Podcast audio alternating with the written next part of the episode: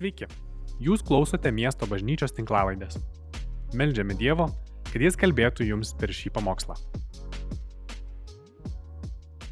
Labas rytas visiems ir sveikinu Jūs su šventomis kalėdomis, mūsų viešpatės Jėzaus Kristaus gimimu ir jo ateimu. Jėzus taikos migrantas, jis atėjo pas mus, kad apvalytų mus nuo mūsų nuodėmių, kad per tikėjimą juo mes būtumėm perkeisti, kad per tikėjimą juo turėtumėm amžinai gyvenimą, kad baime, neužtikrintumas pasitraukti iš mūsų širdies ir širdis užpildytų viltis. Aš viliuosi, kad jūs nuostabiai praleidot kūčių vakarą. Aš viliuosi, kad šventoji dvasia buvo su jumis, kad jums kalbėjo, jūs guodė, davė ir polsio. Ir šiandien norisi tikrai pasidžiaugti, dar kartą žvelgti į Kalėdų istoriją, Jėzaus gimimą ir būti paguostais um, Dievo veikimu, kuris kartais mums atrodo, na, ne visai matomas ar suprantamas, bet grožis yra kai mes skaitome šventąjį raštą, mums leidžiamam pamatyti ir Dievo akimis tuos įvykius, kurie vyksta. Žmonės, kurie tuo metu gyveno, tame laikė buvo, jie nematė to viso paveikslo. Ir visas šventas raštas yra įkveptas, užrašytas tam, kad mus pamokytų, mus įkvėptų, mus sustiprintų. Ir žinoma, kad visa tai kažkaip perkeistų mus iš vidaus, mūsų sampratas kad įsivaizdavimus, kuriuos turime iš kultūros mūsų supančios, kuri neša savo sampratą apie tai, kas mes esam, kas turėtumėm būti, kas yra svarbu, kame yra mūsų saugumas, kame yra mūsų pasididžiavimas. Na, visa tai dažnai būna priešingai pateikta šventame rašte ir šventas raštas mums yra autoritetas. Taigi, Lukas, kuris užrašė Kalėdų šią istoriją, Aš noriu perskaityti jo ištrauką iš jo Evangelijos antros skyriaus, pirmas penkias eilutes, na ir paskui pažiūrėti taip pat Evangelisto Mato užrašytą istorijos versiją, kad mes būtume pamokyti ir tikiuosi šventosios dvasios vedami. Taigi Lukas rašo, kad tomis dienomis išėjo Ciesoriaus Augusto įsakymas surašyti visus valstybės gyventojus. Toks pirmasis surašymas buvo padarytas Kvirinui valdant Siriją. Taigi visi keliavo užsirašyti kiekvienas į savo miestą. Taip pat ir Juozapas ėjo iš Galilėjos miesto Nazareto į Judėją, į Dovido miestą, vadinamą Betliejumi, nes buvo kilęs iš Dovido namų giminės. Tai čia tarsi politinis veiksmas. Ciesorius, tuo metinis imperatorius Augustas duoda įsakymą. Jis yra okupuojančios valdžios atstovas. Izraelis tuo metu yra Romos imperijos dalis, pavergti, moka mokesčius romėnams. Ir štai Ciesorius duoda įsakymą, kad Juozapas su Marija išsikeltų iš savo miesto ir keliautų į Betliejų, tarsi priverstinai. Tai ne Juozapo sprendimas, tai ne Marijos sprendimas. Jie turi keliauti, jie turi migruoti, jie turi atsidurti kitoje vietoje ir labai nepatogiu laiku. Tai yra na, įstatymas, kuris verčia kažką juos daryti. Ir žvelgiant iš to žodžius galvoju, na, koks nepatogumas, kas norėtų tai būti išvarytas iš namų, ypač kai tavo žmona laukiasi ir gimdymas turi tuoj pat įvykti. Ir ta kelionė, žinoma, vyksta ne važiuojant traukiniu, kupe ar per kelias minutės ten nuvažiuojant automobiliu, bet tai gan sunkus dažnai ir pavojingas kelias, nežinant nei kur apsistosi, nei jokio booking.com nėra, kur galėtum užsisakyti vietą. Juozapas ir Marija išsikelia. Ir visame tame Kas iš jūsų skaitėt jau šventai raštą, jūs žinot, kad a, išpranašauta, kad Jėzus turi gimti Betlėjuje. Taigi, mato antras skyrius, mes skaitom, kad Jėzui gimus e, judėjos Betlėjuje karaliaus erodo dienomis, štai atkeliavo Jeruzalė išminčiai iš rytų ir klausinėjo, kur yra gimęs žydų karalius. Mes matėme jo žvaigždę rytuose ir atvykome pagarbinti jį. Tai išgirdęs karalius Erodas sunerimo, o su juo ir visa Jeruzalė. Jis sukvietė visus tautos aukštuosius kunigus bei rašto žinovus ir teiravosi, kur turėjęs gimti Kristus. Tie jam atsakė, judėjos Betlėjuje, nes tai pranašo parašyta. Ir tu, Judo žemės Betlėjo, anaip tol nesi mažiausias tarp Judo valdovų, nes iš tavęs išeis valdovas, kuris ganys mano tautą Izraelį. Taigi čia e, pranašo žodžiai pasakyti prieš keletą šimtų metų išpranašauta, kad valdovas, kuris ateis viešpatauti, valdyti visą Izraelį, turi gimti Betlėjuje. Taigi Dievas, galim sakyti, tarsi pakursto Ciesoriaus Augusto širdį, kad jis įvestų tokį surašymą. Aplinkybės tikrai ne nuo Marijos ir Juozapo priklauso ir jie keliasi į Betlėjų. Ten gimsta Jėzus. Ir atrodytų, na, jeigu toks Dievo planas, turbūt viskas turėtų eiti puikiai, bet čia pat Jėzui gimus, jis papuola į uh, persekiojimą.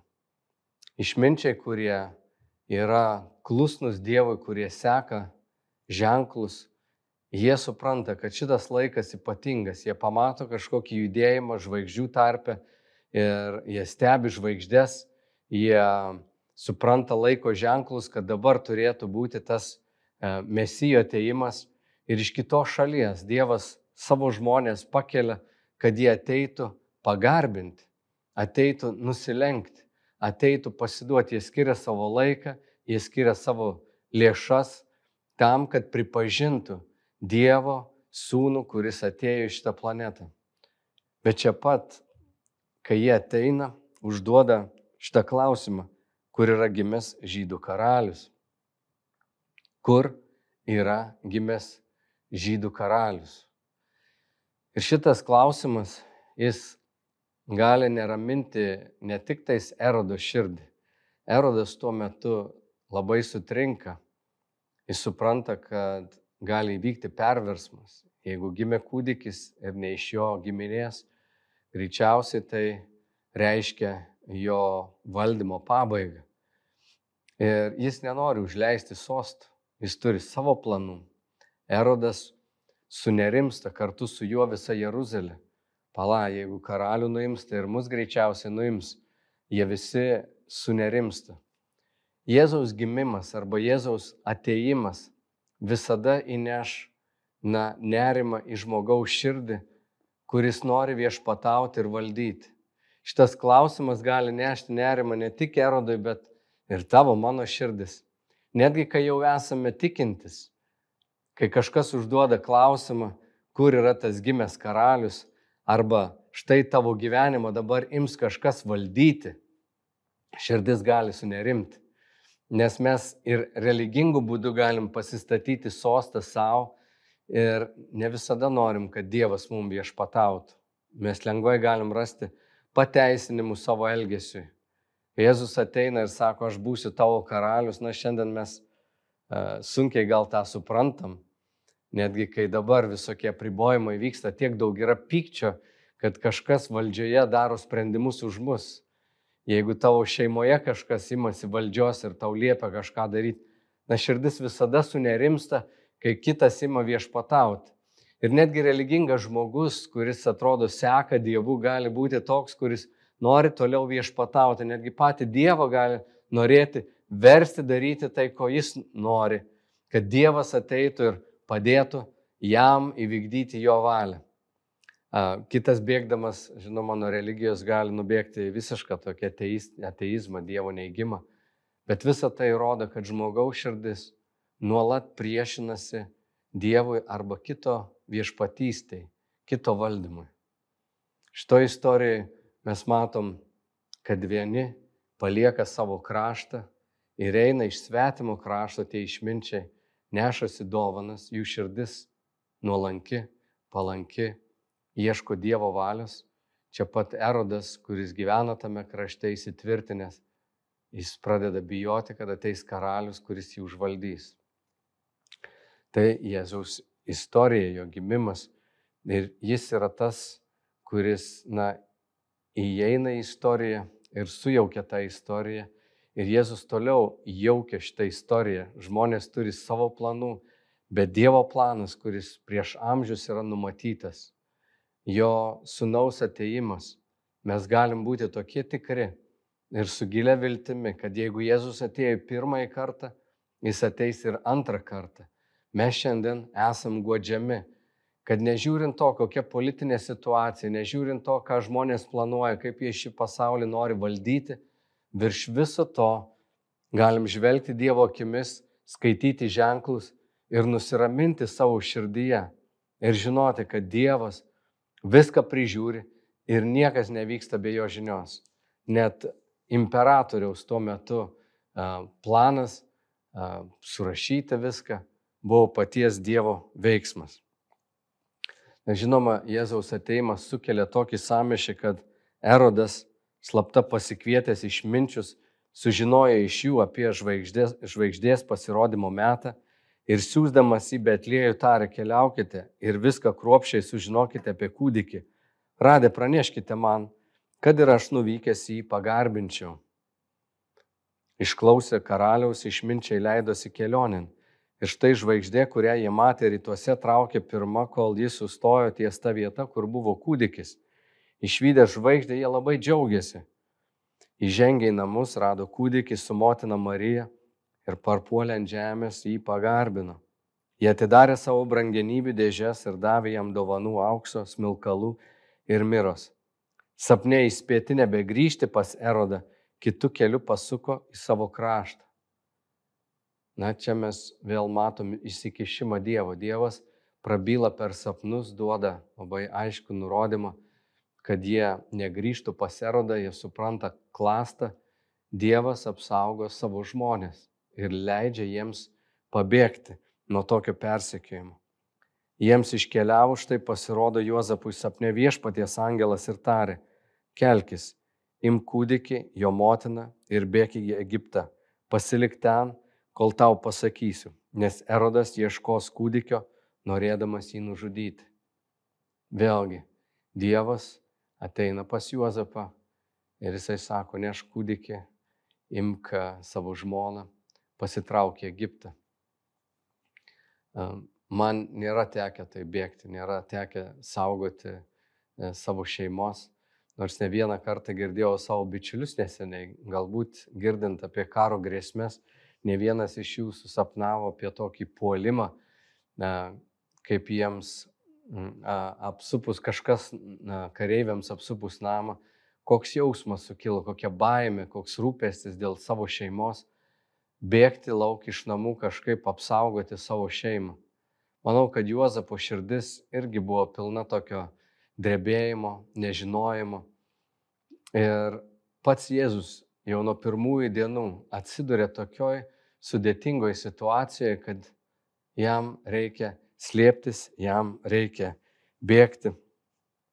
Ir Mesijas, kuris atėjo, galėtų ateiti, atrodo, į saugią vietą, galbūt galėtų visiems ploti, pasitikti, bet tik keletas žmonių atpažįsta jo ateimą. Ir jie čia bėga. Jėzus tampa irgi tiesioginė ta žodžio prasme migrantas jis iš savo tos vietos, Marija, kuri ką tik pagimdė, na, tokiam tvarte tarp gyvulių, visiškai be vietos, turi vėl bėgti į kitą vietą, į Egiptą, kuris žydams, na, yra priminimas apie vergystę. Tai yra vieta, kur daug stabmeldystės, kur žydai buvo pajokiami, kur žydai buvo išnaudojami. Jie bėga vėl į baisę vietą ir na, ta migracijos tema jinai vis kartojasi. Mes matom, kad Dievas leidžia savo žmonėms iškesti sunkumus. Jėzus patiria sunkumus. Ir visa tai tampa dalimi jo istorijos, kad jis būtų pilnesnis atjautos. Kad kaip laiškė hebrajams mes skaitom, mes turim tokį kunigą, kuris gali atjausti mus mūsų silpnume. Nes ir pats buvo visai gundytas, bet nenusidėjo. Jėzus iškentė iš tiesų daug dalykų. Ta migranto dalė, tas iškeliavimas, jisai palieka savo anspaudą. Nes žmogus turi rinktis, ar aš būsiu tas, kokią man etiketę klyjuoja aplinkiniai, ar aš vargsiu užsienyje būdamas, ar man reiks ten kentėti, ar visgi Dievas turi man planą ten, kur aš esu. Šiandien gal ne vienas iš jūsų, kurie žiūrite šią transliaciją, jūs irgi gyvenate užsienyje, jūs žinot, ką reiškia migranto duona, jūs žinote, ką reiškia um, patirti kažkokį atmetimą, kritiką, neprieimimą, nesupratimą. Jėzus visą tai irgi išgyveno. Ir aš viliuosi, kad ten, kur jūs esate, jūs ieškote Dievo kelio, ieškote na, paguodos pas Dievą ir vykdote Dievo valią ten, kuris jūs pašaukė. Juozapas lygiai taip pat jisai, na, būdamas išvykęs, toliau sekė Dievu.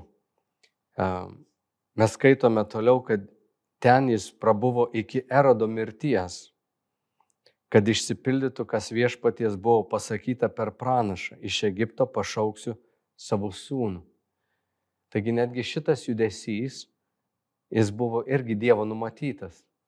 Juozapas buvo Egipte neplanuotą laiką. Sunku įsivaizduoti, ką reiškia gyventi ir laukti, kol numirs tas karalius, kuris ieško tavo sunaus mirties.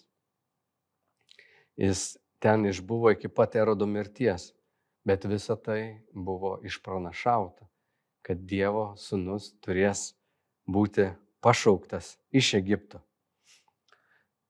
O Erodo čia istorija tikrai baisi ir Erodas pamatęs, kad jį išminčiai apgavo baisiai niršo ir pasiuntė įžudyti Betliejuje ir jo apylinkėse visus berniukus dviejų metų ir jaunesnius, pagal laiką, kurį buvo patyręs iš išminčio.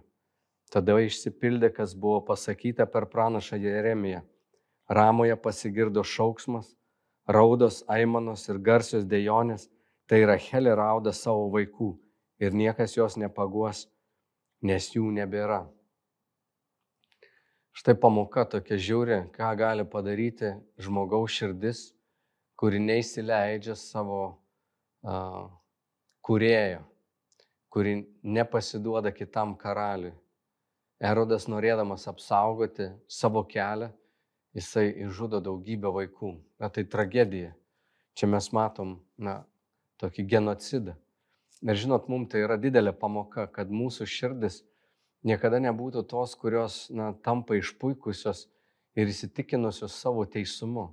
Visada turėtumėm būti labai atsargus dėl tų savo įsitikinimų, nes kartais mes žvelgiam į šventą į raštą ir norim tapatinti su pačiais geriausiais, ar ne, mes norim tapatinti save su Juozapu, su Jėzumi, bet kartais mums reikia pažvelgti ir į tos žmonės, kurie buvo apgauti, kurie negalėjo įsileisti karaliaus, kad ir mes netaptumėm tokios kietos širdies ir nepradėtumėm kerštauti, imti smurto tam, kad apsaugotumėm savo kelią.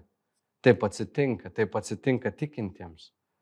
Kažkada Izraelis skaitė tas istorijas ir Erodas žinojo tas istorijas, kada Egipto faraonas žudė visus vaikus, kad tik tais Izraelis nepakiltų, kad kaip tauta jie netaptų stipresnė. Išžudė visus berniukus, mergaitės palikdavo. Ir čia pat praėjus kažkiek tai metų Erodas, Izraelio karalius, žudo savo tautos žmonės tam, kad apsaugotų savo kelią, nes jis patiria, na, patiria kažkokią grėsmę. Žinot, čia žmogaus širdis, tai vyksta politikoje, tai vyksta tarptautiniuose santykiuose. Ta žmogaus širdis, kuri visą laiką nori valdyti, nori viešpatauti, nori plėsti savo kontrolės ribas. Tokios širdies turim pasisaugoti. Dievas yra su tais mažutėliais ir jis palaiko juos, silpnume jis gali atnešti laimėjimą. Jėzus ateina silpnas, bet Dievas jį saugo, jį veda. Juozapas, Marija yra labai pažeidžiami, bet Dievas juos apsaugo. O sukilusi širdis, tokia savo kelią sauganti širdis, nepriklausoma širdis, turėtų būti mums perspėjimas, kad mes nepavirstume irgi tokie smurto nešėjai. Na pabaiga šitos skyriaus yra tokia, kad Erodui mirus, tai viešpaties angelas pasirodė per sapną Juozapui Egipte ir tarė, kelkis, im kūdikį su jo motina ir keliauk Izraelio žemę, nes jau mirė tie, kurie ieškojo kūdikio gyvybės. Tuomet Juozapas atsikėlė, paėmė kūdikį ir jo motiną ir sugrįžo į Izraelio žemę. Bet išgirdęs, jog Archelajas valdo judėją po savo tėvo erodo, pabūgo ten vykti. Įspėtas sapne nukeliavo į Galilėjos rytį ir apsigyveno Nazareto mieste, kad išsipildytų, kas buvo pranašų pasakyta. Jį vadins Nazariečių. Na tai istorija visa pažymėta sapnų, perspėjimų, Dievo vedimo ir viskas išpranašauta. Juozapas tiesiog masto, čia yra grėsmė, aš negaliu eiti judėję, aš keliauju į Galilėją, į Nazaretą. Tas miestas Nazaretas, na, buvo labai neipatingas miestas, tai kažkoks vienas praščiausių miestų. Nenoriu Lietuvos kokio pavyzdžio duoti, bet įsivaizduok tokį miestą, kur tu sakai, aš iš ten kilęs ir visi sako, ar kas nors gero gali iš ten kilti. Ir Juozapas renkasi, na, tokią saugią vietą, nors ne pačią geriausią vietą. Tai ne Jeruzalė, tai ne sostinė. Jis atsiduria vėl tokiam pakampiai, kur atrodo nieko gero iš ten neišeis. Bet visa tai vėlgi išpranašauta. Ir, na, ką man kalba šitos istorijos, kad Dievas iš tikrųjų sudėlioja daugybę aplinkybių. Jėzus yra sumažinęs, na, nesumažinęs, o apibūdinęs tą Dievo įsitraukimą iki tokių smulkmenų, sakydamas, kad netgi plaukas nuo mūsų galvos nenukris, jeigu Dievas to nenorės. Reiškia viešpats viską yra numatęs, suplanavęs. Ir kartais galbūt apgailestau ir sakai, kodėl aš atsidūriau Nazarete, kodėl man reikėjo bėgti. Ir tu nematai to didesnio paveikslo, ką Dievas nori daryti tavo gyvenime Bet jeigu tik tavo mano širdis bus nuolanki priimti aplinkybės ir stebėti Dievę, ką tu nori daryti, o ne kariauti už savo teises, už savo kažkokį kelią, bet atvirkščiai pasiduoti, tai žinok, tu susidursi gal ir smurtu, su smurtu ir su nepriemimu, nesupratimu, bet tai yra Dievo kelias. Tikrai, jeigu tu seksi Dievo keliu, gali neatsirasti tau vietos jokioj, jokiam viešbutį, galbūt atsidursi prie prakartėlės kažkokiam tvarte ir sakai, na, kodėl aš turėčiau taip kentėti. Jeigu tu žvalgysies aplinkui, Juozapas Marija turbūt žiūrėjo, daugybė žmonių gyvena patogiai, gerai, jų vaikų niekas nesiuošia nužudyti. Bet sėkimas su Jėzumi, pasidavimas Jėzui, Jėzui visada įneš pasipriešinimą iš piktojo. Mes kaip Dievo tauta, kaip tikinti žmonės, e, mylime ne šį pasaulį ir ne tai, ką šis pasaulis duoda, mes mylime mūsų viešpatį. Ir jeigu viešpats panorės ir mūsų kiemus atveš žmonės, kurie yra pažeisti, ne, tai būkim labai atviri. Tai būna na, šios istorijos mum įkvėpimas, kad mes nelaikytumėm savo širdyje to noro viešpatauti, bet atvirkščiai pasiduotumėm. Sektumėm Juozapo pavyzdžių, sektumėm Marijos pavyzdžių, kurie tikrai rizikavo savo pačių gyvybę, kad galėtų būti Dievo planų dalimi. Nežinau, ar taip drastiškai mums reiks išgyventi tokį smurtą, e, pasipriešinimą dėl to, kuo mes tikime, dėl sėkimo Kristumi, dėl mūsų įsitikinimų būti gailestingais, maloniais. Bet tai turi būti šventojo rašto formuojamas pasaulio matymas, turi būti mūsų pagrindas. Tikrai man norisi, kai mes kalbam ir apie migrantus, kai mes kalbam apie našlaičius, kai mes kalbam apie pažeidžiamus žmonės, kai mes kalbame, na, tai, kas vyksta aplinkoje, aplink mus, kad mes būtumėm, na, kaip tie esu kalbėjęs daug kartų, tie persikai, būtumėm visiškai atviri būti tarptų pažeidžiamiausių, nebijot susitepti, nebijot uh, būti atjautoj, priimti, atverti savo namų duris, pasikviesti vakarieniai, um, atverti savo širdies duris, kad kuo daugiau tokių žmonių galėtų būti mūsų tarpe, net jeigu tai nėra kultūriškai primtina, net tokios šventės kaip Kalėdos, gali būti vieta, kur mes švenčiame ir su kitais, ne tik su savo uh, šeima, Galim pakviesti kitus žmonės, kurie galbūt neturi su kuo švęsti. Tai man kalba e, Kalėdų istorija, kad mes būtumėm e, gailestingi ir nuolankus. Ir to aš meldžiu, kad mūsų bažnyčia, kad mes kaip Dievo tauta būtumėm pilni gailestingumo, leistumėm Jėzui Kristui būti karalium. Tas, kuris atėjo taikos karalius, kurį priėmė, pasidavė jam, nediskutuodami su juo, jo sąlygų kažkokiu, o, o tiesiog pasiduodami jam, primtumėm tą taiką ir ramybę, kurią jis teikia. Kai jo ramybė ir taika pripildo mūsų širdis, kai mes esame harmonijoje su tėvu, tik tada mes galim nešti tą harmoniją, tą taiką ir kitiems.